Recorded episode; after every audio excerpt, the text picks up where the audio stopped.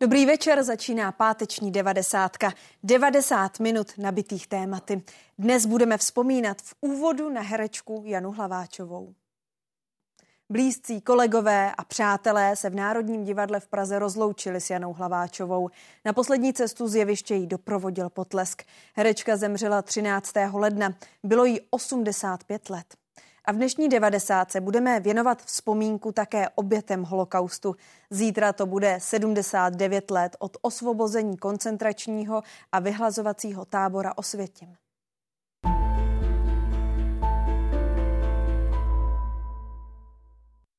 Přátelé a kolegové se dnes naposledy rozloučili s herečkou Janou Hlaváčovou. Smuteční ceremoniál se uskutečnil v Pražském národním divadle, kde Hlaváčová přes tři dekády působila. S láskou. To byla první slova, která mě napadla, když jsem se dozvěděl, že nás Jana Hlaváčová opustila. Tak na ní jistě bude vzpomínat rodina, přátelé, diváci, kteří ji tak milovali, a také my, studenti DAMu, které učila. A že je nás opravdu hodně.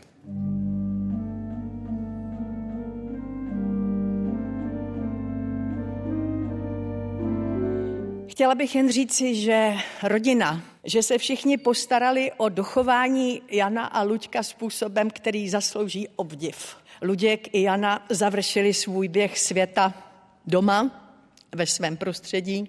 Ďakujem za tvoju dôveru, pomoc, za toľku inšpiráciu. Ďakujem za to, že som ťa stretla na mojej cestě života. To je naprosto zásadní a zlomová žena při mém příchodu do Prahy na Damu a to nejen po vlastně lidské stránce, ale i po té řemeslné herecké.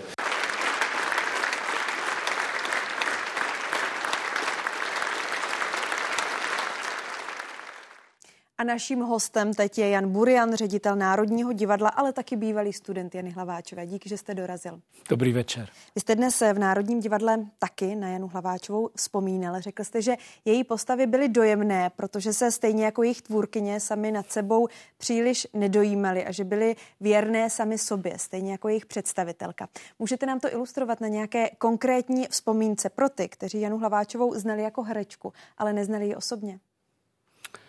Měl jsem to štěstí, že jsem dvakrát s Janou Hlaváčovou pracoval jako režisér a vzpomenu na její, naši první spolupráci. Ona hrála takovou střední roli matky Bazarova v inscenaci Otcové a synové, kde toho Bazarova, nihilistu ruského Turgeněv, hrál mimochodem skvěle Ivan Trojan.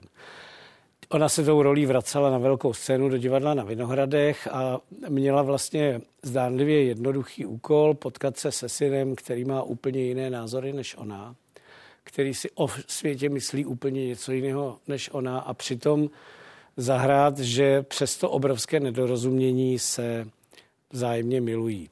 A to samé měl udělat Ivan. A oni dokázali na jedné stránce se hrát nesmírně dojemnou scénu právě proto, že si nedali najevo, jak se mají rádi, jenom to vnitřně žili.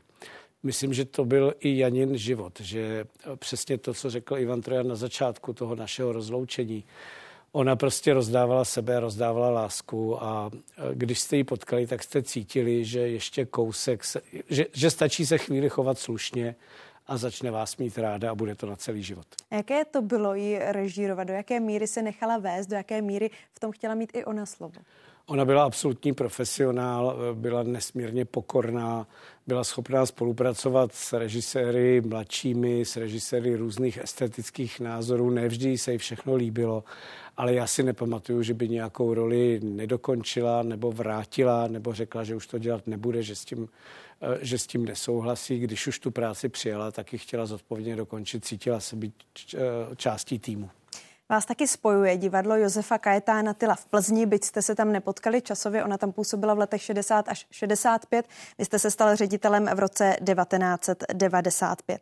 A v jednom rozhovoru ona popisovala, že když z Plzně odcházela do Národního divadla, že to obrečila. Jednak prý byla vystrašená, protože v Národním divadle byly samé hvězdy v tom dobrém slova smyslu a taky, že tu Plzeň měla hrozně ráda. Znamená to, že to byla ta herečka, která vlastně po slávě netoužila? Myslím, že Jana toužila potom být herečka, hlavně něco sdělovat lidem a být s nimi.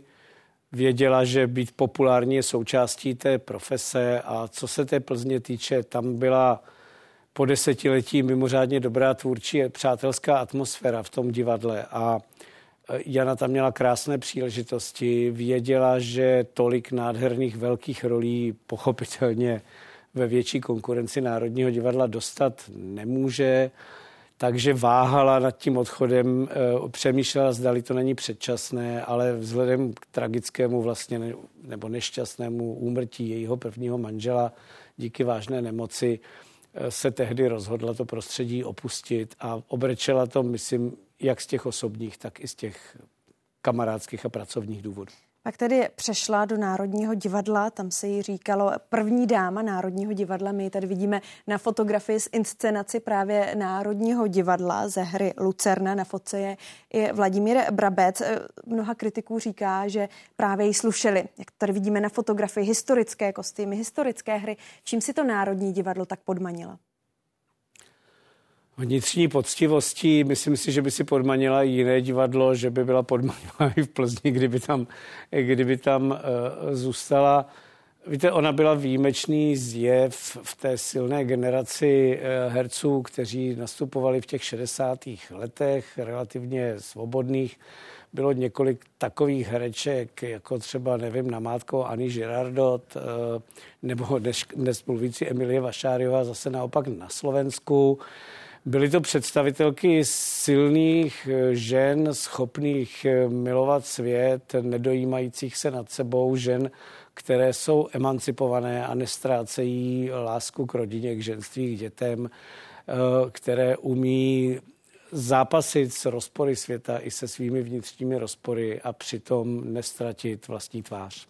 V souvislosti s Národním divadlem musíme zmínit rok 1990, kdy za poměrně dramatických událostí z něj odešla společně s manželem s Luďkem Munzarem. Vy jste se stal ředitelem Národního divadla v roce 2013, kdy už tedy Jana Hlaváčová příliš nehrála. Mě by zajímalo, jak pak na ten svůj odchod, jestli jste se o tom bavili, jak pak na to vzpomínala, jak smýšlela o Národním divadle? Nechtěla se vrátit, nepřišla ta nabídka, aby se Jana Hlaváčová vrátila do Národního divadla? No, to, to, to jsou trošku dvě odpovědi. První odpověď je, prostě byla 90. léta, společnost se měnila, řada lidí si myslela, že lecos má být jinak a že se má začít znovu. E, ne všichni se v té situaci orientovali a týkalo se to jak herců v Národním divadle, tak i nového vedení. Já jsem z hodou okolností, troufám si říct, byl nejenom kamarád s Janou Hlaváčovou, ale taky s Ivanem Raimontem. To byl ten, který tehdy se stal po revoluci tam šéfem. Z toho, co já vím od obou stran, to bylo hlavně velké nedorozumění, které je škoda, že se třeba později nenapravilo. Já pokud vím, tak žádná nabídka Jana Hlaváčové už Národního divadla potom nepřišla. Ale ona zároveň nikdy neříkala, že se chce vrátit. Věděla, že jedna etapa skončila, že teď je v divadle na Vinohradech a to je taky prestižní pražská scéna. Součástí té etapy Národního divadla je i tady třeba inscenace věc Makropolus na fotce s Petrem Štěpánkem. Když budeme se bavit o tom jejím kariérním výčtu, tak musíme zmínit i její roli pedagožky na DAMu. Vás taky učila. No. Ti další absolventi, Ivan Trojan, Ondřej Kepka, ti všichni popisovali, že se jí prý říkalo máma. Vy jste jí tak taky říkal? No já jsem jí tak neříkal, eh, protože ona vlastně do ročníku, kdy já jsem studoval, přišla jako začínající pedagožka a s hodou okolností já jsem dělal svou absolventskou inscenaci společně s Janou Hlaváčovou jako hereckým pedagogem a to byla její první vlastně spolupráce v tom školním divadle. Eh, ale ona měla tu vlastnost, že jste se k ní mohli vztahovat jako k profesní matce nebo mámě nebo mamince. A spousta ze studentů, a to jsem zažil, když jsem s ní potom, nevím, dvě desetiletí učil, k ní mělo důvěru a svěřovalo se jim i se svými soukromými problémy, protože ona uměla poslouchat a uměla dávat eh, dobré a jednoduché rady. Díky tomu, že taky její život eh, byl prostě plný nejrůznějších dramat a zvratů a hledání eh, nějaké cesty i v té rodině tak a partnera a tak dále. Prostě i ona si musela ten zápas vést. Dnes ale v Národním divadle spousta řečníků vyzdvihovalo právě tu její roli v rodině, jak se o rodinu starala, jak o ní pečovala a jaký to pak zase rodina vracela. Já jsem našla jeden její archivní rozhovor. V roce 2010 se jí v rozhovoru ptali, kdy se cítila nejspokojenější. A ona řekla, když se mi narodili děti, když jsem začala žít s Lučkem, všechno to klapalo, měla jsem krásnou práci. Navažme možná na to rodinné souznění s Luďkem Munzarem. Do jaké míry se herecky ovlivňovali? Ona mu prý jednu dobu říkala mistře, ještě tedy předtím, než eh, byli manželé. Luděk pak to glosoval. Luděk Munzar, že už pak mu tak prý neříkala. No, eh, nevím, nebyl, nebyl jsem u toho a nechci trošku tohle říkat z druhé ruky. Oni k sobě chovali úctu. Ale herecky, určitě, jak se ovlivňovali Herecky, určitě. Uh, asi si něco vzájemně řekli, ale měli dost, pokud vím, samostatnou kariéru. Jana konec konců vlastně tu závěrečnou etapu odehrála s Petrem Kostkou. Ona vždycky říkala, Petr, je to je můj druhý divadelní manžel, s tím já hraju nejvíc. Že jo? Čili eh, nevím, já myslím, že oni hlavně spolu potřebovali být jako lidé. Jo? Že ona Jana vždycky říkala, že problém té divadelní profese je v tom, že vy musíte se úplně jako celé investovat, ale přitom se nesmíte v té profesi ztratit. Musíte k tomu mít, eh, nevím, ještě něco. Rodinu, koníčka, jinou práci, nebo prostě něco číst jiného. Nezůstat prostě jenom uzavřený v té bublině toho divadelního světa. A pro ně tohle byla rodina, dcery, eh, vnučka, a to prostředí i těch, řekněme, vzdálenějších příbuzných, který bylo přátelský. Zmíníme ještě její filmové a televizní působení. Studentský debit v komedii Kam čert nemůže. Ikonická taky byla její role Toničky v, ve filmech o básnících. I to jste dnes zmiňoval v Národním divadle. Její filmová nebo televizní role za vás, jaká byla ta nejzásadnější? Asi u Hubače Ikarův pád eh, s Vladimírem Menšíkem. Tam myslím, že ukázala své jako mistrovství v nějakém takové jako zkratce silné emoce. Jana, a myslím, že jste to někde i Česká televize vysílala, ona trošku říkala, já jsem moc nefilmovala, protože jsem byla vždycky trošku přes, já jsem vlastně moc jako divadelní herečka. Ale ona měla tu vlastně geniální schopnost, že ona dokázala to své pravdivé, autentické, moderní, jednající herectví naplnit vždycky silnou emocí. Ona nebyla takový ten herec, co vychází jenom ze sebestylizace. Dovedla se ohromně proměňovat. A myslím, že víte co, život je takový, jaký je a Jana to dovedla naprosto akceptovat. Prostě byla hvězda Národního divadla, dneska zažíváme celý den s jakou ohromnou úctou a láskou ji široká veřejnost eh, vnímala, přestože už teďka poměrně dlouho nehrála, jak zůstala v paměti české kultury. To je strašně důležité. A hlavně, co jsem si dneska uvědomil, ona byla reprezentantem toho, že herecká profese si zaslouží úctu, že to je důležitá vážná práce, která nám pomáhá zachraňovat svět. To ona dovedla reprezentovat. Proto byla první dáma. O jejich filmových rolích už se za chvíli budeme bavit s režisérem Jiřím Strachem. Já moc děkuji, že jste dorazil, že jste nám poskytl vaše osobní vzpomínky. Jan Burian, ředitel Národního divadla. Naschledanou. Děkuji za rozhovor. Hezký večer. Do Národního divadla se s Janou Hlaváčovou přišel rozloučit i režisér Jiří Strach. Natáčel s ním kolega Jiří Svoboda. Národní divadlo se dnes rozloučilo s herečkou Janou Hlaváčovou, která zemřela ve věku 85 let a byla jednou z největších osobností českého herectví. Na její teď převážně filmové umění budu vzpomínat s režisérem Jiřím Strachem. Dobrý den. Dobrý den. Jiří Janě Hlaváčové, jako by se filmoví režiséři vždycky obloukem vyhýbali. A mě vždycky zajímala otázka, proč. Jedna z největších českých hereček a velmi málo ji obsazovali do velkých rolí. Já naštěstí patří mezi ty šťastné výjimky mezi režiséry, protože já jsem Janu Hlaváčovou obsazoval, jak jsem mohl.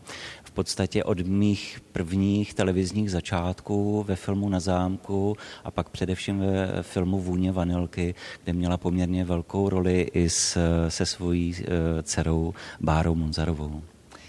A samozřejmě eh, nesmím zapomenout na Anděla Páně, protože dokonce si vzpomínám i na Kožíškovou. Eh, ona byla opravdu tak nezaměnitelná a osobní herečka, že si člověk pamatoval dokonce i názvy rolí, které hrála. Eh, jakou ty s ní máš osobní zkušenost? Já jsem ji skutečně nesmírně rád obsazoval, protože Jana Hlaváčová, a to se možná málo ví, byla moje první filmová maminka. V roce 1984 ve filmu Otakara Vávry Veronika já jsem jí hrál syna Jaroslava, syna Boženy Němcové, on se pak stal malířem a e, mě bylo 12-13 let a já si do dneška velmi hmatatelně a blízce pamatuji e, tu její vřelost, tu její mateřskost, kdy mě jako malého špunta o filmu provázela celým tím složitým natáčením, abych všemu rozuměl, nebál se a všechno chápal.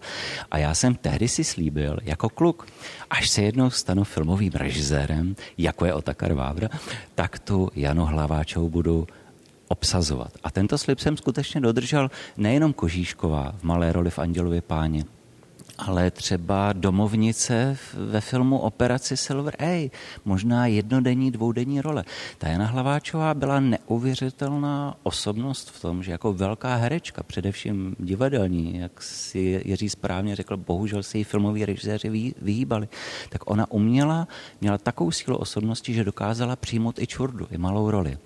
Ehm, a poslední věc, kterou jsem s ní bohužel natočil, a její poslední filmové záběry v životě bylo do televizního triptychu Setkání s hvězdou, takového povídkového filmu eh, v roce 2011, pokud se nepletu, točeného a tam ona bohužel byla naposled před filmovou kamerou. Je to vlastně paradoxní a smutné, že jsem uzavíral filmovou kariéru jedné z největších českých hereček. Přesně tak. A ona měla takový ten osud podobný Daně Medřické, že i jí se ty filmoví režiséři vyhýbali, přestože to byly obě dvě neuvěřitelné herečky a volně na sebe v podstatě navázely. Jedna první dáma vystřídala tu druhou. E, zajímalo by mě, my jsme to vlastně neodpověděli na tu otázku, čím ty si to vysvětluješ, proč ty režiséři jakoby z ní měli strach? Eh, já si to vysvětlit nedokážu. My režiséři bohužel mnohokrát uvažujeme zjednodušeně nebo typově. Eh, nebo se zjeví nějaká současná hvězda a možná i producenti v dnešních dobách nás nutí obsazovat z té hvězdné kategorie, která přitáhne lidi do kina. Eh, u Jany Hlaváčové tento problém ještě nebyl, protože dřív tato potřeba obsazovat pouze hvězdy, které nám vyprodají kina, taková nebyla. Já si to neumím vysvětlit. Ehm, já tomu skutečně nerozumím, proč to tak je, proč se neobjevovala častěji v českém filmu Nicméně velikáni typu Otakara Vávry a mnozí další v dalších letech televizních, myslím těch porevolučních, třeba taky hodně obsazoval Dušan Klein a tak eh, do básníků, ku příkladu ještě před revolucí. Takže uh, myslím, že pár režisérů nás bylo, kteří jsme tu vřelost a mateřskost a lásku a talent mimořádný Jany Hlaváčové viděli a na ten celuloid jsme ho zaznamenávali a rádi. Já jsem vždycky obdivoval tu její neuvěřitelnou široký rozptyl a roztah herectví od těch velkých dramatických rolí přes takové to neuvěřitelně krásné, civilní, uvěřitelné, až po její komediální talent. V čem ty osobně si měl nejvíc rád? Um, ona skutečně ve všem byla nezaměnitelná. Uh, I v těch malých komediálních rolích, jak správně říkáš, i v těch velkých dramatických. Mně možná na Janičce vlastně se o trošku víc líbila ta role dramatická jak předvedla třeba u mě ve filmu Vůně vanilky. A protože tam měla obrovský um, takovou, až bych řekl, slovanskou hloubku, autentičnost. Ehm, ta opravdovost jeho dramatického herectví byla jaksi neuvěřitelně autentická. Tak asi možná radši raději v těch dramatických rolích. Já bych se chtěl možná vrátit ještě to k té malé drobné rolice, kterou ona tak utkvěla, což je ten anděl páně, aby jsme byli trošičku třeba konkrétní v jedné věci. Eh, vzpomeneš si na její reakci, když si jí nabídl tuhle roli, tuhle maličkou roli? Eh, ono už je to pomaličku 20 let zpátky, takže na tu konkrétní eh, přesnou reakci to bych si asi teď vymýšlela, to bych nerad. Ale jak už jsem to tady řekl na začátku, ona prostě byla taková frajerka, že uměla přijmout i malou jednodenní roli u nebeské brány. A e, já jsem vlastně možná tak natěšen tím, nebo žiju tou nadějí, lepší slovo než natěšen, že Jana Hlaváčová v tento okamžik skutečně ví, jak to u nebeské brány vypadá, nakolik já jsem se ve své režii v Andělovi páně mýlil, nakolik jsem byl pravdivý a mm, žiju velkou nadějí a vírou, že jestli někdo patří do toho nebeského království, tak je to právě Jana Hlaváčová za všechno, co v životě udělala. Moc děkuji za rozhovor. Děkuji za pozvání. A další vzpomínku na Janu Hlaváčovou přímo tady ve studiu přidá Jana Machalická, vedoucí rubriky Kultura z Lidových novin. Dobrý večer i vám. Dobrý večer. Jsme teď před chvílí probrali tu její televizní a, uh, televizní a seriálovou tvorbu, taky jsme tady už probírali její angažmá v Národním divadle a ona se právě z Národního divadla pak přesunula do eh, Vinohradského divadla. Vy ve svých článcích popisujete jako nedostižnou heroinu, psala jste, že jí, její doménou bylo velké jeviště. Jaká pak tedy byla ta její éra ve, ve Vinohradském divadle? Tak ona už tam tolik těch hlavních rolí nehrála. Eh, ten soubor tam byl jinak vyprofilovaný a byly tam kolegyně, které byly zavedené na ty hlavní role, ale přesto si tam mm, myslím, užila několik hezkých postav. Eh, mě, já si vzpomínám na McDonagovu hru eh, Kráska z Línen, která, kde ona hrála takovou strašnou babiznu, teda hrozně zlou ženskou a e, bylo, to, bylo to takový vlastně protiúkol trochu a ona tomu dávala ohromnou emoci, jako vždycky. Bylo to, bylo to tam seděla jako takové zosobněné zlo, čili ona vlastně si dokázala poradit úplně se vším. Myslím, že někde říkala, že neví, e, že neví, jak to, co s tím má dělat, že, že to je Taky takové... jsem to slyšela, že říkala, že, je tam, že jsou tam jenom negativní emoce. No, negativní, ale ona i těm, te, v té negativní emoci je nějaké lidské zoufalství, jako lidi nejsou zlí jen tak pro nic a to ona tam právě dokázala nějak dodat. A pak teda pro mě eh, bylo ne překvapením, ale potěšením eh, její eh, Eh, její mm, postava matky v Havlových jednoaktovkách, to se jmenovalo, to, byla, to byly dvě jednoaktovky, vernisáž a rodinný večer. Ten rodinný večer nebyl moc známý, to, to, bylo, to se vlastně, myslím, do té doby nehrálo v profesionálním divadle a to je taková drobnůstka a tam hrála babičku, eh, navíc jí ohromně, to se hrálo ve studiu, čili v komorním nahoře, prostě v tom sklep, eh, podkrovním studiu a eh, tam ona si s tím úžasně pohrála, ta babička byla taková lehce senilní, furt pletla nějakou punčochu a vždycky se jí rozářily oči při něčem, doslova a do písmene rozářily oči, když došlo na nějaké požitky, takové trošku jednodušší a to jí hrozně jí to sedělo. A tak tam jsem si uvědomila, že přestože byla vlastně zavedená na ten velký prostor a hrála ty velké charakterní role, tak tady prostě v tom malinkém studiu jí to sedlo zrovna tak. Ale ona hrála taky zájezdní představení, moderovala taky kouzelnou školku a nesmíme zapomenout i na dubbing. A vy jste to popisovala, že i v rámci těch divadelních představení ona neuvěřitelně pracovala s hlasem. Ano, tak ona byla, eh, ona patřila k těm herečkám pro něž, nebo k té generaci, pro, pro níž bylo um, jaksi mluvní eh, kultura zásadní. Dneska už se to tolik, bych řekla, nepěstuje, i když samozřejmě jak jde, ale prostě divadlo je mnohem vizuálnější a eh, pracuje s jinými prostředky a ona skutečně dbala na tu brilantní jevištní mluvu, takže ona, eh, když prostě říkala verš, tak to měl nějaký obsah a výraz a zároveň to bylo brilantně prostě řeč, brilantně řečeno, prostě technika byla dokonalá. No.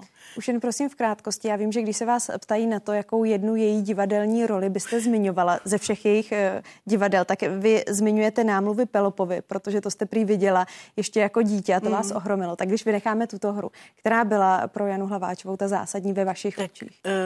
Uh, kromě té hypodamie, která byla opra- opravdu strhující, tak jsem si spitovala svědomí a vzpomněla jsem si teda na uh, Emily Marty v věci Makropulos, kde ona hrála to byla taky nádherná, prostě pro ní jako stvořená, jako i ty, ty róby všechny a ona byla tak, tak vznešená a zároveň byla eh, nějakým způsobem měla v sobě tu skepsi. Ona prostě odehrála celý ten oblouk toho 300 letého člověka, který pořád ještě žije eh, a bylo to opravdu vynikající. No. Děkuji vám za rozhovor, za vaše vzpomínky. Jana Machalická, vedoucí rubriky Kultura z Lidových novin.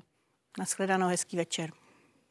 A nabízíme taky další téma, protože na zítřek připadá Mezinárodní den památky oběti holokaustu a Česko si tento den připomíná už dnes například v Senátu, kam dorazil premiér Petr Fiala a taky šéf horní komory parlamentu Miloš Vystrčil. A právě tomuto tématu se budeme věnovat v následujících minutách s Danem Stachem.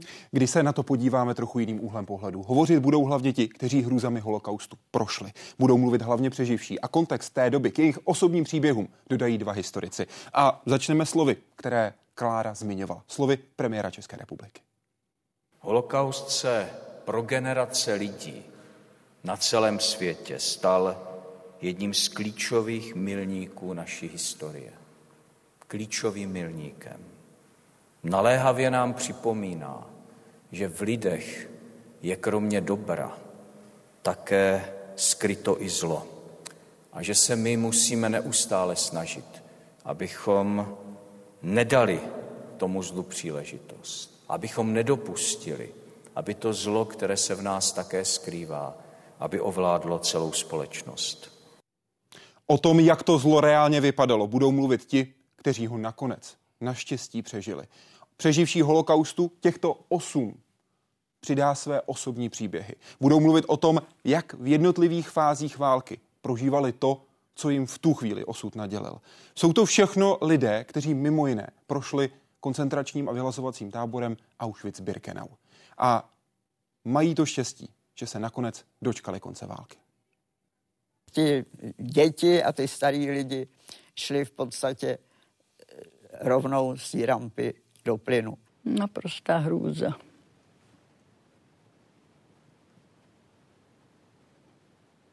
Ultimativní hrůza. Až uvidíte eh, z komína krematoria ne dým, ale plamen jako ze svíčky, takový, tak to znamená, že tam zrovna pálejí lidi, kteří byli eh, usmrceni plynem v eh, plynových komorách, které vypadají jako sprchy. My jsme do rána v tím seděli, ale plyn nepustili. Já jsem pochopila, že se nevrátíme. Spisovatel, nositel Nobelovy ceny míru, muž, který sám holokaust přežil, napsal Zapomenout znamená zabít všechny oběti po druhé. Elie Wiesel. Právě proto, abychom nezapomněli, budeme připomínat to, co se dělo během druhé světové války. A to proto, že je třeba připomínat, aby lidé nezapomněli. Průzkum, který si nechal udělat časopis The Economist v prosinci loňského roku, totiž ukazuje, že velká část Američanů zapomíná. Konkrétně pětina mladých ve věku 18 až 29 let souhlasila s výrokem, že holokaust je mýtus.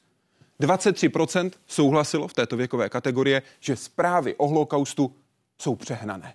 To je situace, ve které se teď nacházíme a to je to, proč musíme připomínat, co se tehdy dělo. A jakým způsobem jsme se k hrůzám holokaustu, se kterými si spojujeme třeba koncentrační tábor Auschwitz, postupně dostali. Protože zákony, které mířily proti židovské komunitě, se zpřísňovaly postupně. Já jsem neměla ani psa, ani kočku. Měla jsem kanárka a ten taky asi byl nebezpečný. Třetí říš. Musela jsem ho odevzdat. Já se dosud pamatuju, jak jsem šla s tou klecí po Praze s tou hvězdou a jak jsem to odevzdala eh, v Haštalské ulici do jednoho vokínka nějakému pánovi, který si ho přál. Klidně, ale vysvětlení žádné. Ne. Prostě jste měla odevzdat kanárka. Ano. Jak to vysvětlujete dneska? Co to mělo za smysl? Ono to mělo, teď já to vím, protože tenkrát eh, Němci už věděli, že budou eh, židé jako posílat do geta, do lágru a co, co s těma mazlíčkama, tak aby byli už předem někde pryč. To znamená zbavit se jich předtím? Ano. A pak se snažit zbavit těch lidí? Přesně tak. Kontext dodají dva historici, pan doktor Leo Pavlát, bývalý ředitel Židovského muzea v Praze. Vítejte, dobrý den. Dobrý den. A pan doktor Michal Frankl z Masarykova ústavu archivu Akademie věd České republiky. Dobrý večer i vám. Dobrý večer. Kolik tehdy bylo proti židovských zákonů? Těch protižidovských zákonů bylo tolik, že ani ti, co je vydávali, je už nedokázali spočítat, takže si na to vydávali zvláštní příručky, které třeba v protektorátu Čechy a Morava vycházely pořád dokola, protože nešlo jenom o zákony, a, ale ostatně žádný parlament nefungoval, ale šlo o nařízení, která vydávala vláda, ministerstva, policie, místní úřady.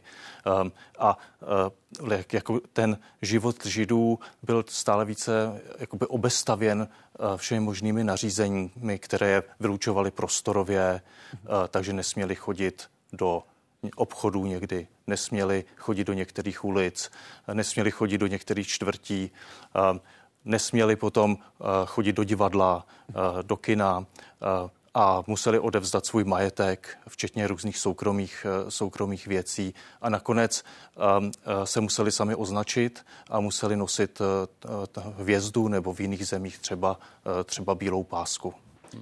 Dita Krauzová vzpomínala těmito slovy. Všude byly v Němčině a češtině nápisy Židům a psům nepřístupno.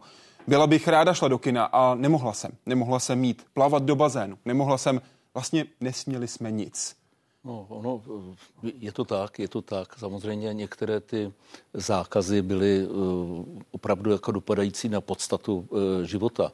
Tam jde uh, o to vlastně, že jakmile byly aplikovány ty tak protižidovské vlastně, vlastně norimberské zákony, tak to vedlo ke konfiskaci majetku, k vyhazování ze zaměstnání, čili ztráta obživy, postupně potom i jako vyhazování zbytů. Děti nemohly chodit do škol, nejprve do německých škol židovských, potom nes, nesměli chodit prostě ani do českých škol. No a potom to vedlo opravdu k tomu, k tomu označování nejprve v těch průkazech, eh, potom vlastně byly ty, byly ty hvězdy. Čili, ano? byla ta nařízení a ty zákony otevřeně protižidovské? Že bylo na první pohled jasné, že míří proti židovské komunitě? Toto, toto určitě, protože třeba oni už se tak jak si jmenovali, že to byly prostě o vyřazení židů z hospodářského života a tak, takhle prostě tam bylo jedno, zvlášť teda to, co se týkalo té ekonomické stránky, tak tam to bylo jednoznačně prostě zaměřeno tímto způsobem. Příkladem zákona, který eh, byl mířen hlavně proti židům, ale nebyl tak pojmenovaný, eh, bylo, byl zákon, vlastně vládní nařízení s mocí zákona ze začátku roku 39, ještě za druhé republiky, eh, kterým byla část židů zbavována občanství. Šlo hlavně o uprchlíky ze Sudet, které, které v tom zmenšeném Československu již nikdo nechtěl. Mm-hmm. Situace se pro židovskou komunitu postupně zhoršovala a zhoršovala, až přišly transporty. Měla jsem sebou malinkou panenku, protože velkou jsem si vzít nemohla. Nevešla by se do předepsaného zavazadla a tak jsem si vezla malinkou panenku v kapse. Udělala jsem jí batoh, upletla svetr a dala jsem jí transportní číslo. Jela se mnou do Terezína. Kdo a jak rozhodoval o tom, kdo bude odeslán? Do Terezína, no tak Samozřejmě musely být eh, vytvořeny seznamy, v tomto případě teda ta e, nacistická zpráva k tomuto zneužila vlastně i ty židovskou komunitu, protože tam ty, ty seznamy byly. Tady je třeba všem říct, že toto nemělo charakter jakési, co by se snad dalo říct, jaksi kolaborace. Tady šlo prostě o to vlastně taková ta uh, určitá teze z, z židovských dějin vlastně, že toto pomine. To znamená nějakým způsobem prostě tuto, toto období přežít, protože bylo evidentní, že na nějaký ozbrojený odpor nebylo, nebylo, k tomu nebylo možno přistoupit. A s, s nadějí tedy, že vlastně ta situace se za války vlastně nějakým způsobem vyvine tak, že prostě to Německo prohraje. Židé v tu chvíli nevěděli, co je čeká a jakým způsobem se bude situace vyvíjet. Pět prvních transportů z Prahy šlo do Lodže. Když se objevil Terezín, mysleli jsme si, že je to přeci jenom dobře, že je to blízko, jenom 60 kilometrů vzdálené od Prahy, že to je skoro doma. Někdy se lidé dnes v dnešním světě ptají, proč lidé neutekli, proč tam lidé odjeli, proč se někam neschovali, proč to tehdy neudělali. Je třeba začít tím, že eh, mnoho lidí se snažilo utéct a někteří také utekli třeba z těch zhruba 120 tisíc židů, kteří byli v protektorátu Čechy a Morava a přibližně 120 tisíc v době jeho začátku, tak kolem 30 tisíc eh, uteklo do zahraničí. Eh, někteří z nich se zapojili třeba do československých exilových armád. To, že neutekli ostatní, bylo z části dáno tím, že hranice byly zavřené že ten útěk byl nesmírně složitý a že byly zavřené hlavně pro židovské uprchlíky. Tak, jak se zvyšovalo to vyhánění, je o co bylo silnější, o to zavřenější byly hranice. V roce 1938 to dokonce končí tím, že uprchlíci končí, že se ocitají mezi dráty, mezi hranicemi v zemi, v zemi nikoho. Tady takovou snad jenom perličku, jako v říjnu 38 vlastně, když se, se snažili židé, se snažili židé emigrovat z Německa, tak si Švýcarsko vyžádalo, že židé, že mají mít prostě v těch průkazech velké J jako jude. Čili toto nebylo ani tak z iniciativy Německa, ale v tomto případě teda Švýcarska. Jak málo lidé věděli o tom, co je čeká? Nevěděli určitě, když šli do Terezína, tak nevěděli, nevěděli vlastně nic.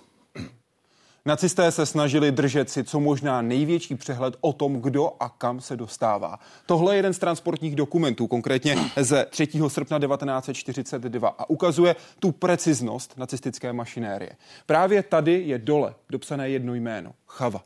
Je to jméno dívky, která se narodila až v Terezíně. Její matka byla totiž těhotná v okamžiku, kdy odjížděla do Terezína. Chava byla dopsána rukou na transportní listinu jako tisící první člověk, který byl přesunut do Terezína. Proto, aby měli nacisté přehled.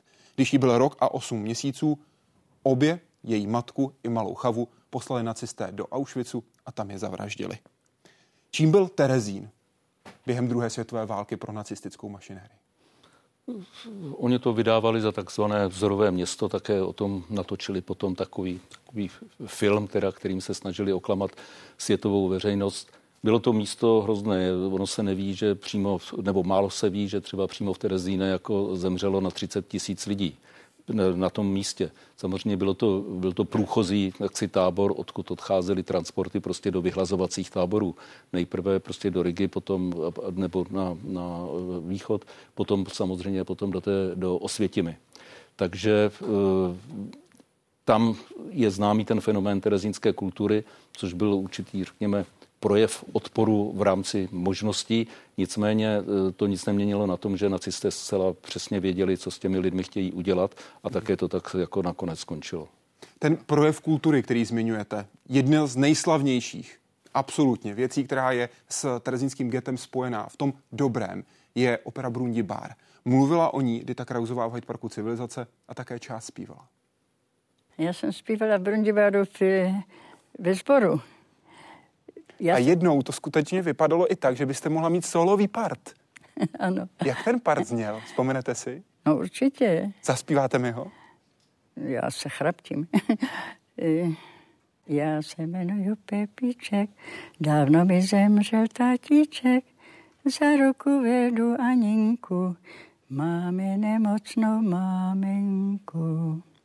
Přišel pan doktor s brejlema, se studenýma ušima, ušet si vedle máminky a v ruce držel hodinky. Za chvíli vstal a povídá, co bude dál, se uhlídá. Teďka jen zpěte maličko, mami, děti vám dojdou pro mlíčko. Co to pro vás? To je začátek. Co to pro vás znamenalo v Terezíně?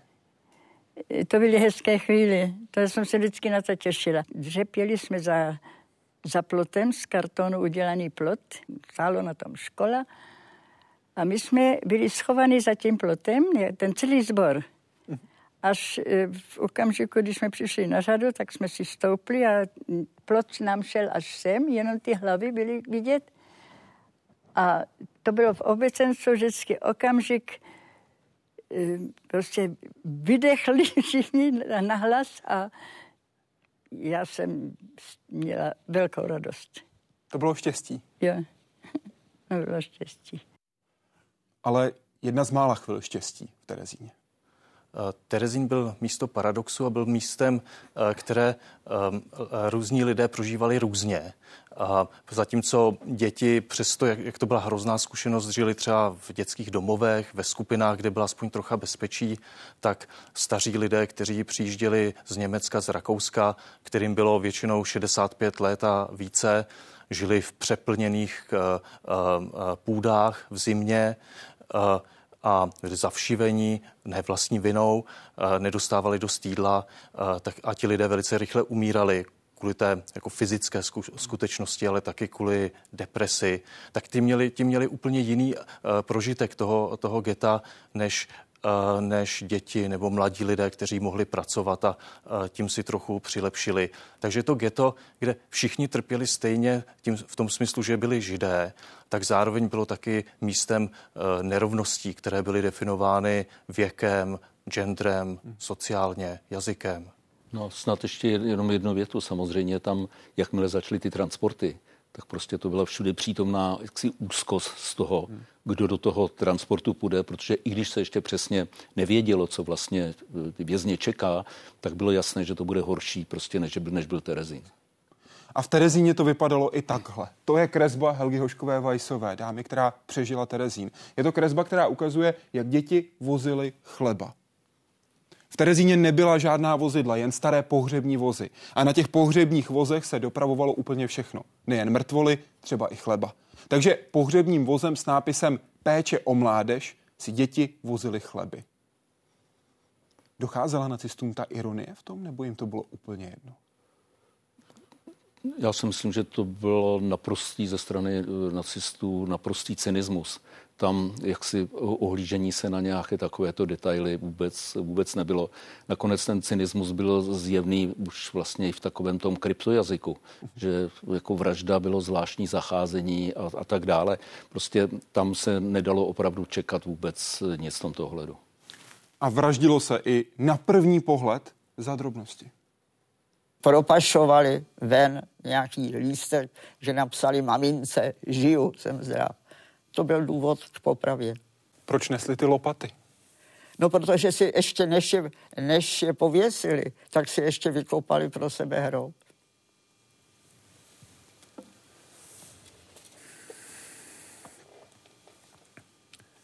Takhle viděla pár malých kluků. Jakou roli tehdy se hrávali dospělí, kteří se právě o děti starali, kteří se jim snažili vytvářet program nejenom v Terezíně, ale potom třeba i v dalších táborech? pro uh, dospělé byly děti budoucností.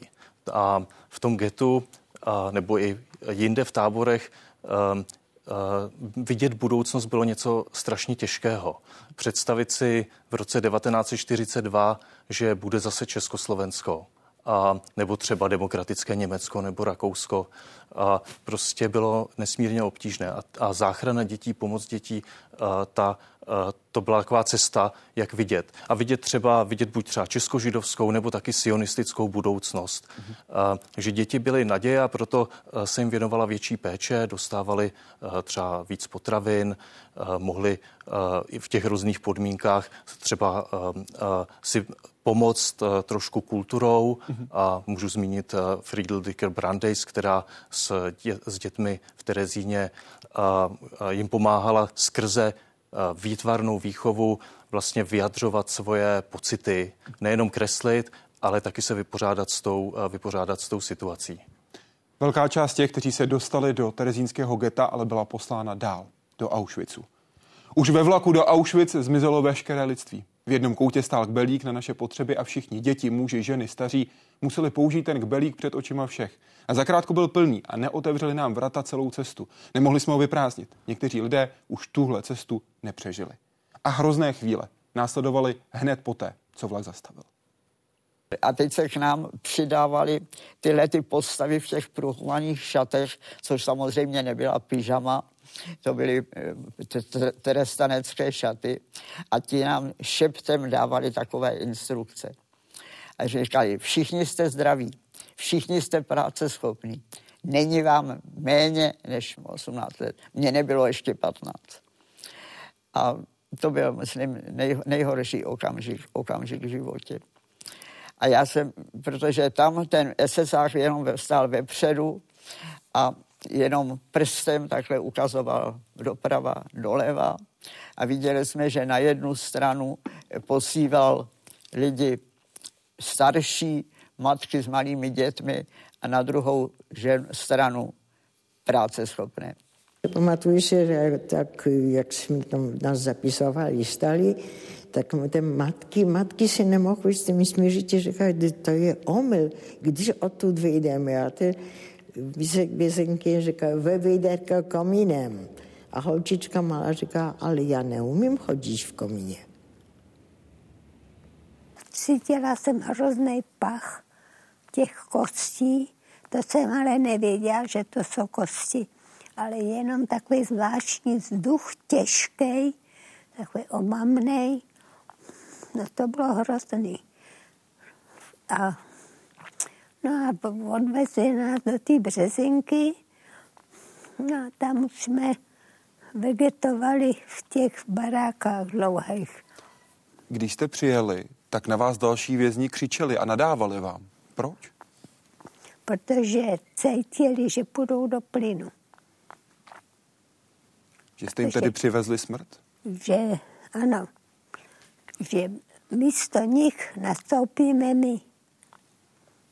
Oni šli do plynu a my jsme opravdu šli na jejich místa. Oni věděli, proč. Protože nám vlastně nadávali. Kdy a proč se z Auschwitz-Birkenau stala továrna na smrt? Tak eh, ty, to bylo v roce 2040, prostě to začínalo takto, nicméně továrna na smrt ve smyslu teda toho vyhlazovací, té vyhlazovací mašinerie, tak to již vlastně byly ty pokusy dříve. Jo? To, byly, to byl Sobibor, to byly ty takzvané duše, gubky, vlastně to ty nákladní vozy prostě s plynem, s plynem dovnitř vlastně, pak už to byla treblinka, travníky, bělistok a tak. Ale ten, ta osvětím vlastně to byl taky obrovský i svým způsobem průmyslový komplex, který tedy využíval uh, pracovní sílu vězňů a v jedné jeho části ta, ta březinka to byla to byla prostě ta vyhlazovací část, kde postupně oni udělali vlastně čtyři plynové komory, osm, osm krematorií.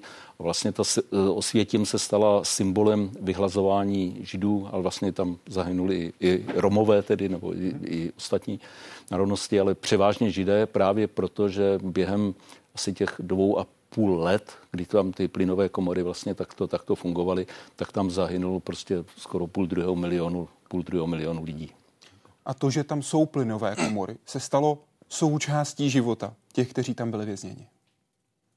My jsme tam viděli na dohled eh, ty, eh, ty budovy, my jsme tam viděli eh, ta, ty komíny, z kterých šlehali plameny a šel kouř a my jsme věděli, že to jsou plynové komory, kde se hubí lidé. Pro nás smrt, pro nás plynové komory byla, byla věc denního pořádku. A bohužel také každodenní týrání a trýznění spoustou různých způsobů do kterých se často zapojovali další vězni. Lidé, kteří byli ze stejných států jako ti další, kteří tam byli vězněni. Proč se to dělo? Dělo se to proto, že v nacistických koncentračních táborech byla vytvořena hierarchie, ve které si nebyli všichni pro následování rovní, takže například lidé s kriminální historií byli často postaveni na ty ostatní, a nebo se to dělo taky proto, že i lidé, kteří vlastně byli označ měli stejný status, ale někdo dostal moc nad těmi ostatními a bojoval o své vlastní přežití. Um, a je strašně obtížné dělat rozhodnutí, když, um, když je ča, uh, sám člověk uh, ve velkém riziku. A já myslím, že to ukazuje, že ten příměr té továrny na smrt, že Eh, to není jenom něco, co je o nějaké technologii. Mm-hmm. To není nějaký stroj, ale je to, je to sociální stroj. Mm-hmm. Je, to, je to o lidech, jehož součástí jsou jak nacisté, tak ti pro následování, kteří dělají, kteří dělají nějaká rozhodnutí. Tedy i ta psychologická manipulace. Psychologická i fyzická manipulace, ale je to, je to prostě sociální společenství. A já to říkám, protože po druhé světové válce mně přijde ten, ta představa toho, že to je vlastně nějaký průmysl, strašně zjednodušená a jako kdyby nám pomáhala se smířit s tím, co se stalo, ale ve skutečnosti to dělali lidé. V té osvětě mi to bylo trochu schované, ale pořád to dělali lidé. Lidé lidem. To je, to je určitě pravda. Nicméně vlastně lidé, kteří byli zasazeni do nějakého eh, rámce, do nějakého vzorce. A ten vzorec jako vytvořili ne pod tlakem jak si nacisté. To znamená, to, to bylo dáno prostě tou nenávistnou ideologií, která je prostě na, na začátku všeho. Prostě ta zlá myšlenka vede potom i k takovýmhle koncům. A k té zlé myšlence náleželo také precizní provedení téhle hrozné myšlenky. A proto se z lidí měla stát jenom čísla. Vyměnili moje jméno. My jsme zůstali bez jména a my jsme byli čísla. Vyvolávali jsme svoje čísla při každým sčítáním dvakrát denně. 73.305. A musím říct jednu věc, kterou jsem ještě nikdy nikomu neříkala, že miminka dostávali tohle číslo tady na nožičku. Novorozeňata. Protože měli tady moc málo asi místa, nebo, takže to dostávali na nohu. Jakým způsobem můžeme v tuhle chvíli popsat to, kolik lidí o téhle mašinérii reálně vědělo? Kolik lidí mělo přehled o tom, co se děje? No v Německu určitě. O kolika lidech se bavíme? Bavíme se o stovkách, tisících, desetitisících lidech nebo o jednotkách, kteří měli? Já bych klidně na to se vyjádřit. No, jak, jako ne, Jo, pardon. Eh, já, eh, o tom to vědělo eh, opravdu dost lidí, zcela jistě teda na té straně německé, minimálně samozřejmě ti vojáci. Ti vojáci jezdili domů, ti sdíleli prostě ty, ty informace, to je, to je doloženo. Jezdili tam vlaky, čili to, prostě bylo známo, vlastně ty železničáři věděli vlastně, že tam vezou 2000 lidí prostě ve vlaku a ty vlaky se vrací prázdné. Byly celé úřady vlastně, které se zabývaly, zabývaly prostě těmi, těmi deportacemi. Hmm. Takže to nebylo vlastně vůbec žádné jaksi potom velké tajemství. A to, jakým způsobem k tomu přistupoval velitel tábora v Osvětimi, ukazují jeho vzpomínky. Konkrétně si poté, co bylo zavražděno 900 ruských zajatců, cyklonen B zapsal. Zabíjením ruských válečných zajatců jako takovým jsem se tehdy nějak netrápil. Bylo to přikázáno a já to musel provést. Musím však otevřeně říci, že na mne toto splinování zapůsobilo uklidňujícím dojmem, jelikož v dohledné době se mělo začít s masovou likvidací židů. Na něj to zapůsobilo uklidňujícím dojmem. To, jak to prožívali ti, kteří tam tehdy byli, popsal Vitold Pilecký, polský hrdina, který vynášel z Auschwitzu zprávy o tom, co se tam děje. Jeho příběh zaznamenal Jack Fairweather v jeho knize. Vitold Pilecký byl totiž po válce zavražděn komunisty. To byl bunkr pod jedním z baráků, který byl proměněn na plynovou komoru. Vůbec první plynovou komoru v Osvětimi. A SSáci objevili, že pokud tam použijí pesticid, který měl za úkol zabíjet vši, tak se dají tím zabíjet i lidi. Ale hrůza toho prvního experimentu spočívala v tom, že toho cyklonu B, což je ten pesticid, nepoužili dost. Takže ty sovětské zajatce nezabili rychle. A proto křičeli dlouho do noci. A Pilackého blok byl jen nějakých 100 metrů vedle. Tu noc určitě nikdo nespal, protože poslouchali ty strašlivé výkřiky z prvních experimentů. A další den viděli, co bylo uvnitř. Někteří vězni dostali za úkol vytáhnout mrtvá těla ven a pochopili, jaká hrůza se tam děla. Jak velká část nacistů a jejich podporovatelů byla nastavená takhle jako Rudolf Hess? Tedy absolutně nelidsky. Otržená od toho, co je dobré v člověku tak i v rámci té nacistické hierarchie byly rozdíly. Prostě bylo zde, byly zde SS, byly zde prostě jiné jednotky, záleželo samozřejmě na věku, ne každý byl prostě ideologicky tak jaksi získán pro tu nacistickou myšlenku. Eh, je také zde určitý vlastně také tlak, který vyvolávala ta situace, mm-hmm. protože i to, to jsou doklady, že třeba při tom zabíjení z, řekl bych, z očí do očí, ke kterému docházelo v Polsku nebo v Sovětském svazu do těch, do těch jam, takže i pro ty Němce to za některé, že to, byla, že to byla potíž. Ale v okamžiku vlastně, kdy došlo k takovému tomu davovému tlaku, mm-hmm. že jeden to dělá vlastně, čili já to dělám taky a potom už z toho asi nebylo úplně, úplně uniku, aby se z toho, z toho dostali. Ale to je věc vlastně potom jako takové té psychologické manipulace. Protože spousta lidí byla zavražděna ještě předtím než začaly fungovat plynové komory? No, téměř půl druhého milionu. To ono se jako osvětím a plynové komory jsou symbolem toho vyhlazování židů, ale samozřejmě toto je tedy taky velice jako temná kapitola prostě protižidovské, protižidovské zášti. Rudolf Hess a jeho výpověď u norimberského tribunálu, kdy řekl tato slova. 3 až 15 minut trvalo zabít lidi v plynové komoře. Záleželo na povětrnostních podmínkách. Věděli jsme, že jsou mrtví, protože přestali křičet. Počkali jsme obvykle ještě půl hodiny, než jsme otevřeli dveře a odstranili těla. Speciální komanda pak mrtvým sundala prsteny a vytrhla zlaté zuby. Kolik lidí byli schopni nacisté zavraždit během jednoho dne? Ehm, v těch vyhlazovacích táborech, kde, ehm, exist, kde byly ehm, plynové komory, šlo určitě o tisíce lidí každý den Mohlo to být i více transportu, více vlaků, které přijeli třeba do Osvětimi nebo do Treblinky, ale možná bych ještě dodal, jestli se můžu vrátit zpátky, že to zabíjení z očí do očí eh, i pro přesvědčené nacisty často nebylo asi jednoduché. Ano. A nový výzkum, eh, je zajímavý nový výzkum, ukazuje, že se to často dělo za pomoci alkoholu mhm. a že bez alkoholu by to možná, možná ani nebylo v této podobě, v této podobě možné. Ještě k těm číslům vlastně, eh, vlastně takovou poslední skupinou, teda, že to byli židé eh, z Maďarska k tomu 44. roce vlastně a těch byl vlastně zavražděn více než eh, půl milion prostě během několika málo měsíců prostě v 44. roce. Nebo téměř 4 tisíce um, židů z terezínského rodinného tábora, kteří byli zavražděni v březnu uh, 1944 uh, během jediné, jediné noci. A nebo můžeme zmínit, když jde o tahle hromadné vraždy, likvidaci uh, romského, takzvaného cikánského rodinného tábora uh, v Osvětimi Birkenau na začátku srpna 1944. Vlastně uh, tady ve, jako kdyby se ty příběhy těch dvou hlavních skupin, které byly pronásledovány v rámci holokostu v českých zemích i jinde, jako kdyby se tady v Osvětimi spojovaly. Ale to zdaleko nebylo jediné vraždění Romů, které ne. bohužel během druhé světové války proběhlo. Ano. Ne. Nacisté vraždili celé rodiny a matky odmítaly opustit své děti. Ta smrt v těch plynových komorách nebyla rychlá. Trvala 20 minut. A čím víc lidí tam bylo napěchovaných, což dělali, tím pomalej to šlo. A byly tam maminky s dětma.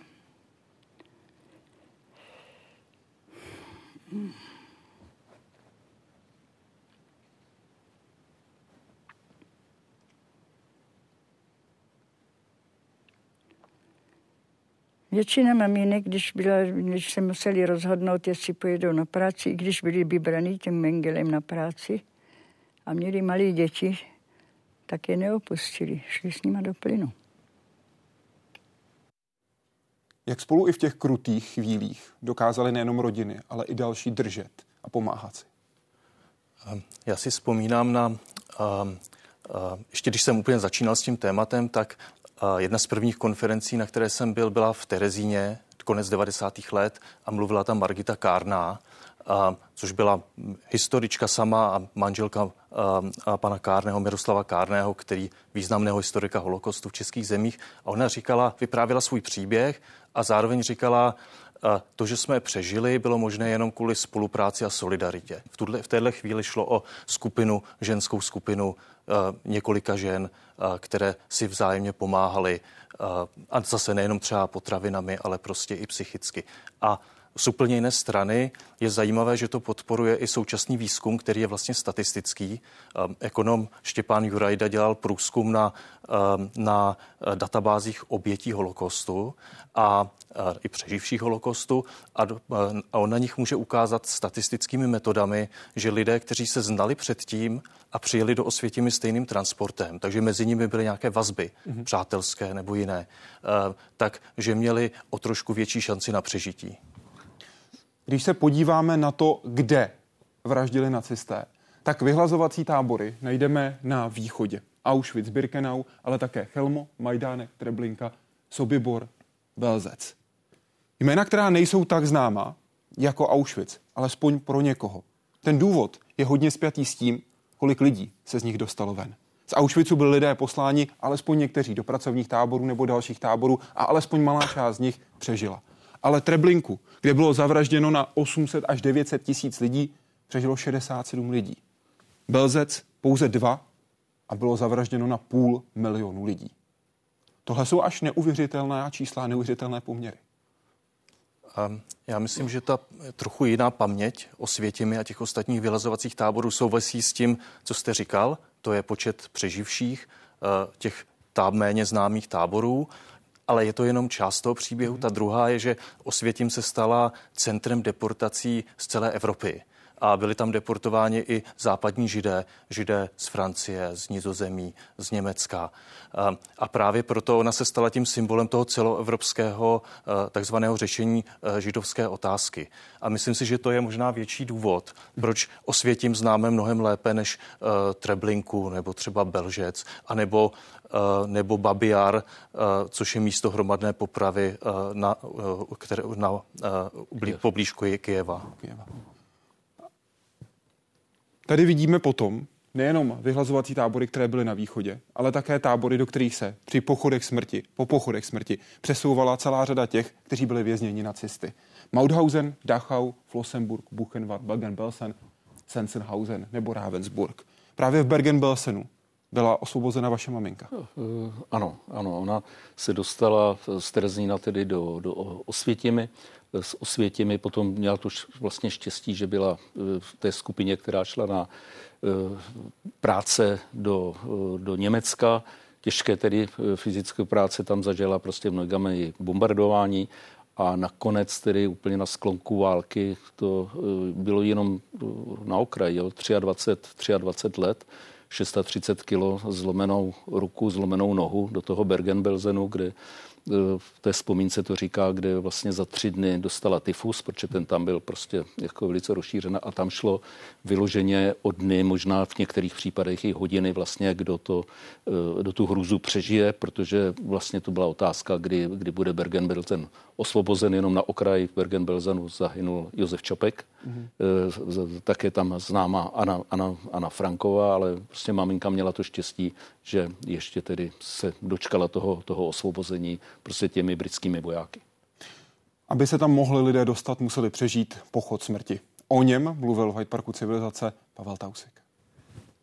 No, my šli dlouho a v noci a byl mráz a, a do toho pršelo. No, bylo to velice špatné i ta cesta. Občas se ozval výstřel, když někdo upadl a, a SSáci, kteří šli podél nás, ho usmrtili a někdo ho pak musel vytáhnout stranou, abych ti další ne, neklopítali. To všecko jsem viděl, takže to mi samozřejmě dodávalo sílu, abych eh, nezažil podobný osud. Těch pochodů smrti byla řada. Jak velká část lidí, kteří na ně byli vyhnáni, se nedostali do cíle? Tak dá se asi říct asi tak třetina byla zavražděna? Třetina, ano, protože jako nebyli schopni už jít, například z té Osvětěmi, a to byly i ty okolní tábory, prostě když byli potom evakuovány pod tlakem tedy rudé armády, vlastně tak ty vězni museli ujít až 70, 70 kilometrů a to prostě tisíce z nich stálo život. A v Bergen-Belsenu to potom pohledem Dity Krauzové vypadalo takto. Mrtví leželi všude, nebyl nikdo, kdo by je pohřbil. Zpočátku se mrtvoly sbírali a skládali jedna na druhou. Některé byly oblečené, většina byla nahá. Jejich nahota však neurážela, asi tak, jako neuráží nahota malých dětí. Genitálie nevyvolávaly stud, mrtvá těla ztratila veškerou sexualitu. Údy byly jen kosti bez masa pokryté kůží. Kolena a lokty trčely z hromad v nesoudorodých úhlech jako uzly lana. Většina mrtvol měla oči otevřené, prázdné a bez výrazu. Vymyklo se vší představivosti, že tyto oči někdy viděli. Brady visely vykloubené, ukazující dutiny z černelých hrdel. Někteří z mrtvých se tak zmenšili, že šaty vypadaly prázdné a jen stvrklá hlava dokazovala, že uvnitř těchto hadrů vězí nějaké tělo. Jak to vypadalo v Dachau? Popsal Ervín Adam.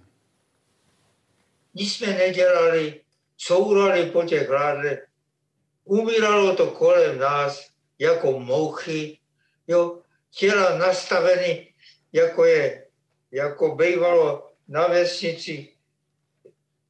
Zkrátka to dřeva na topení, když si vypávali doma na zimu, jo, vždycky 6-7 krát, druhý příště na ně, tak takhle srovnané mrtvoly. To je těžko, těžko vylíčit. A že jdete kolem toho a vůbec vás to nezajímá nedojímá to. To berete jako samozřejmost. Jo? To je, to je nepředstavitelné i dneska. Jo? Naprosto. Právě v těch místech osvobození potom američtí, britští, západní vojáci viděli, viděli vlastně ty nejhorší věci, které byly zpěté s holokaustem. Je to tak? Je to, je to tak, v tom Bergen-Belsenu nakonec potom teda i ty němečtí civilisté byli prostě nuceni tedy, aby se na to podívali v tom smyslu, že tedy pomá- museli pomáhat s tím vyklízením, ale tam odsud je e, vlastně i ten názor, tuším, generál Eisenhowera, který vlastně říkal, že se to musí všecko nafilmovat, mm-hmm. protože jinak vlastně v budoucnosti tomu nikdo nebude věřit. Možná Eh, je dobré dodat, že to nebyli jenom západní vojáci a politici, kteří to viděli třeba v Bergen-Belzenu, ale podobně to bylo taky na východě. Rudá armáda osvobodila, um, osvobodila Osvětím, ale spoustu jiných míst a, a, a poměrně důkladně vyšetřovali, eh, co se tam dělo. A říkám to proto, že tam ten obraz je zase trošičku jiný než ty hromady ano. těl, které známe třeba z toho Bergen-Belzenu. Tam odsunutí těch lidí právě z východu na západ to je to, co je s tím také částečně spojato. Nebo, nebo masové hroby, k, místa, která měl, neměla být nikdy objevena. Ti, kteří přežili holokaust, o tom, co zažili často desítky let, vůbec nemluvili. A vyrovnat se s tím, co prožili, je pro ně nesmírně těžké.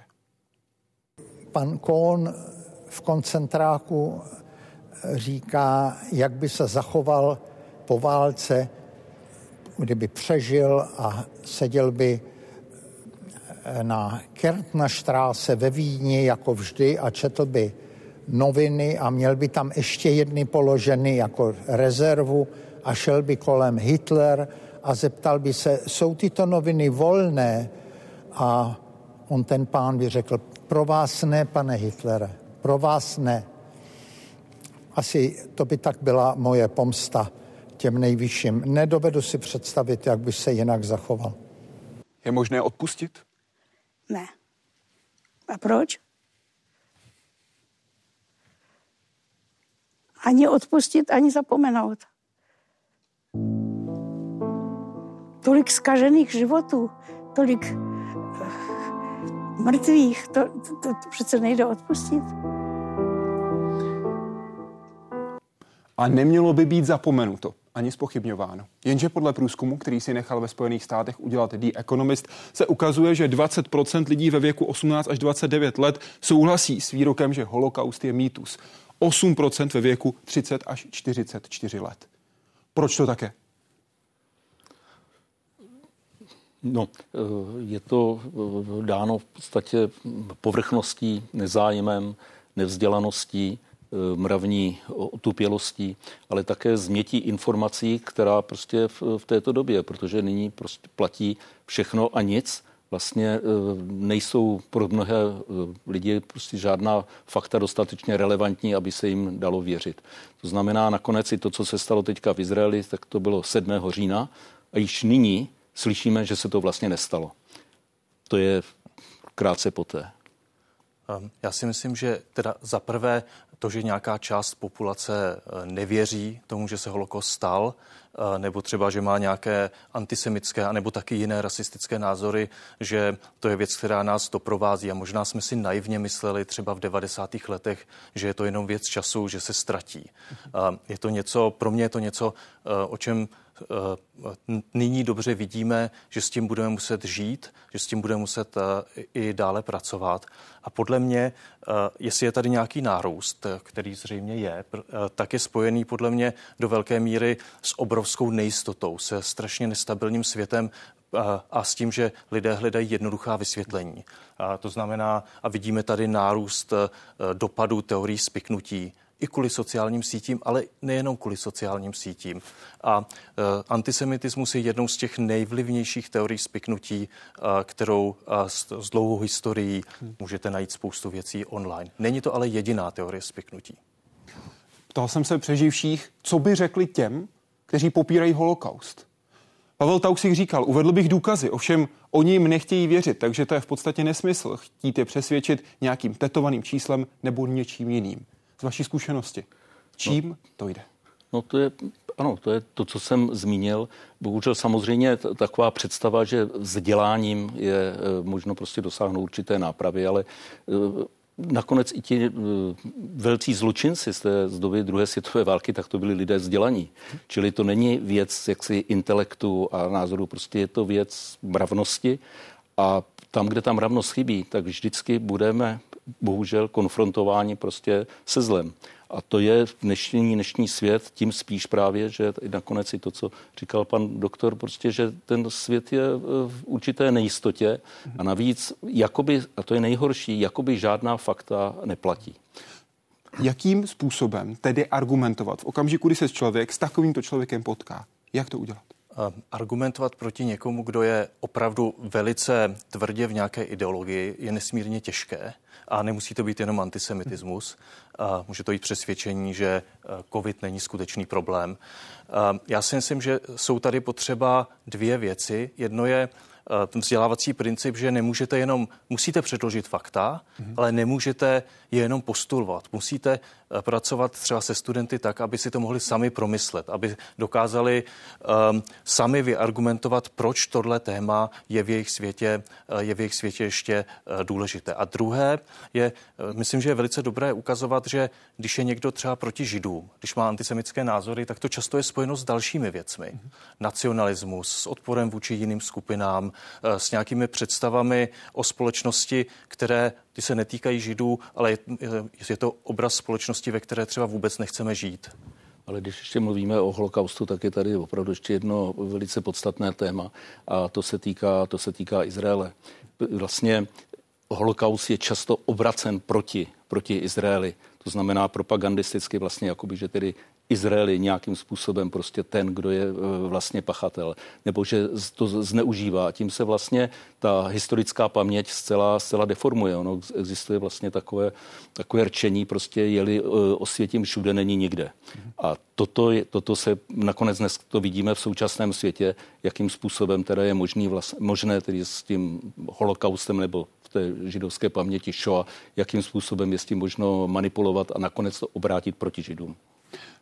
Elie Wiesel napsal, vždy se musíme nakonec postavit na jednu stranu. Neutralita pomáhá pouze utlačovateli, nikdy ne oběti. Ticho pozbuzuje trýznitele, nikdy trýzněného. Kde v dnešním světě podle vás tomhle selháváme? Kde vidíme antisemitismus? Pane doktore. No,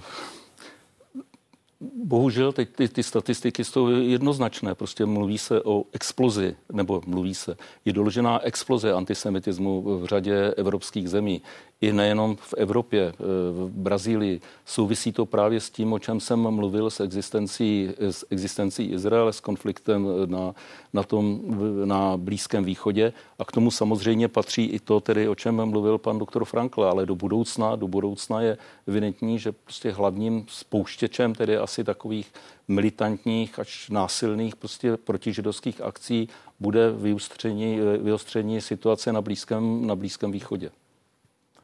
Um, já souhlasím, ale myslím si, že uh, zároveň to co, to, co opravdu je potřeba, je pracovat na kohezi našich společností, tak aby, uh, aby uh, věděli, kam jdou, aby jsme měli nějaký obraz budoucnosti. Já si myslím, že nejlepší cesta, jak bojovat proti antisemitismu, je ukázat, že náš svět není ztracený, mm-hmm. že Evropská unie může dál existovat um, a tak dále a tak dále. Michal Frankl, Leo Pavla, Pavlát a jejich pohled na to, co se dělo a snad nebude opakovat. Děkuji vám za rozhovor. Naschledanou. Naschledanou. Děkuji, naschledanou. Dnes hovořili mimo jiné tyto dámy, dámy, které přežily holokaust. Dámy, které ze své rodiny přežily holokaust jako jediné. A i proto bychom si měli pamatovat to, co se tehdy dělo.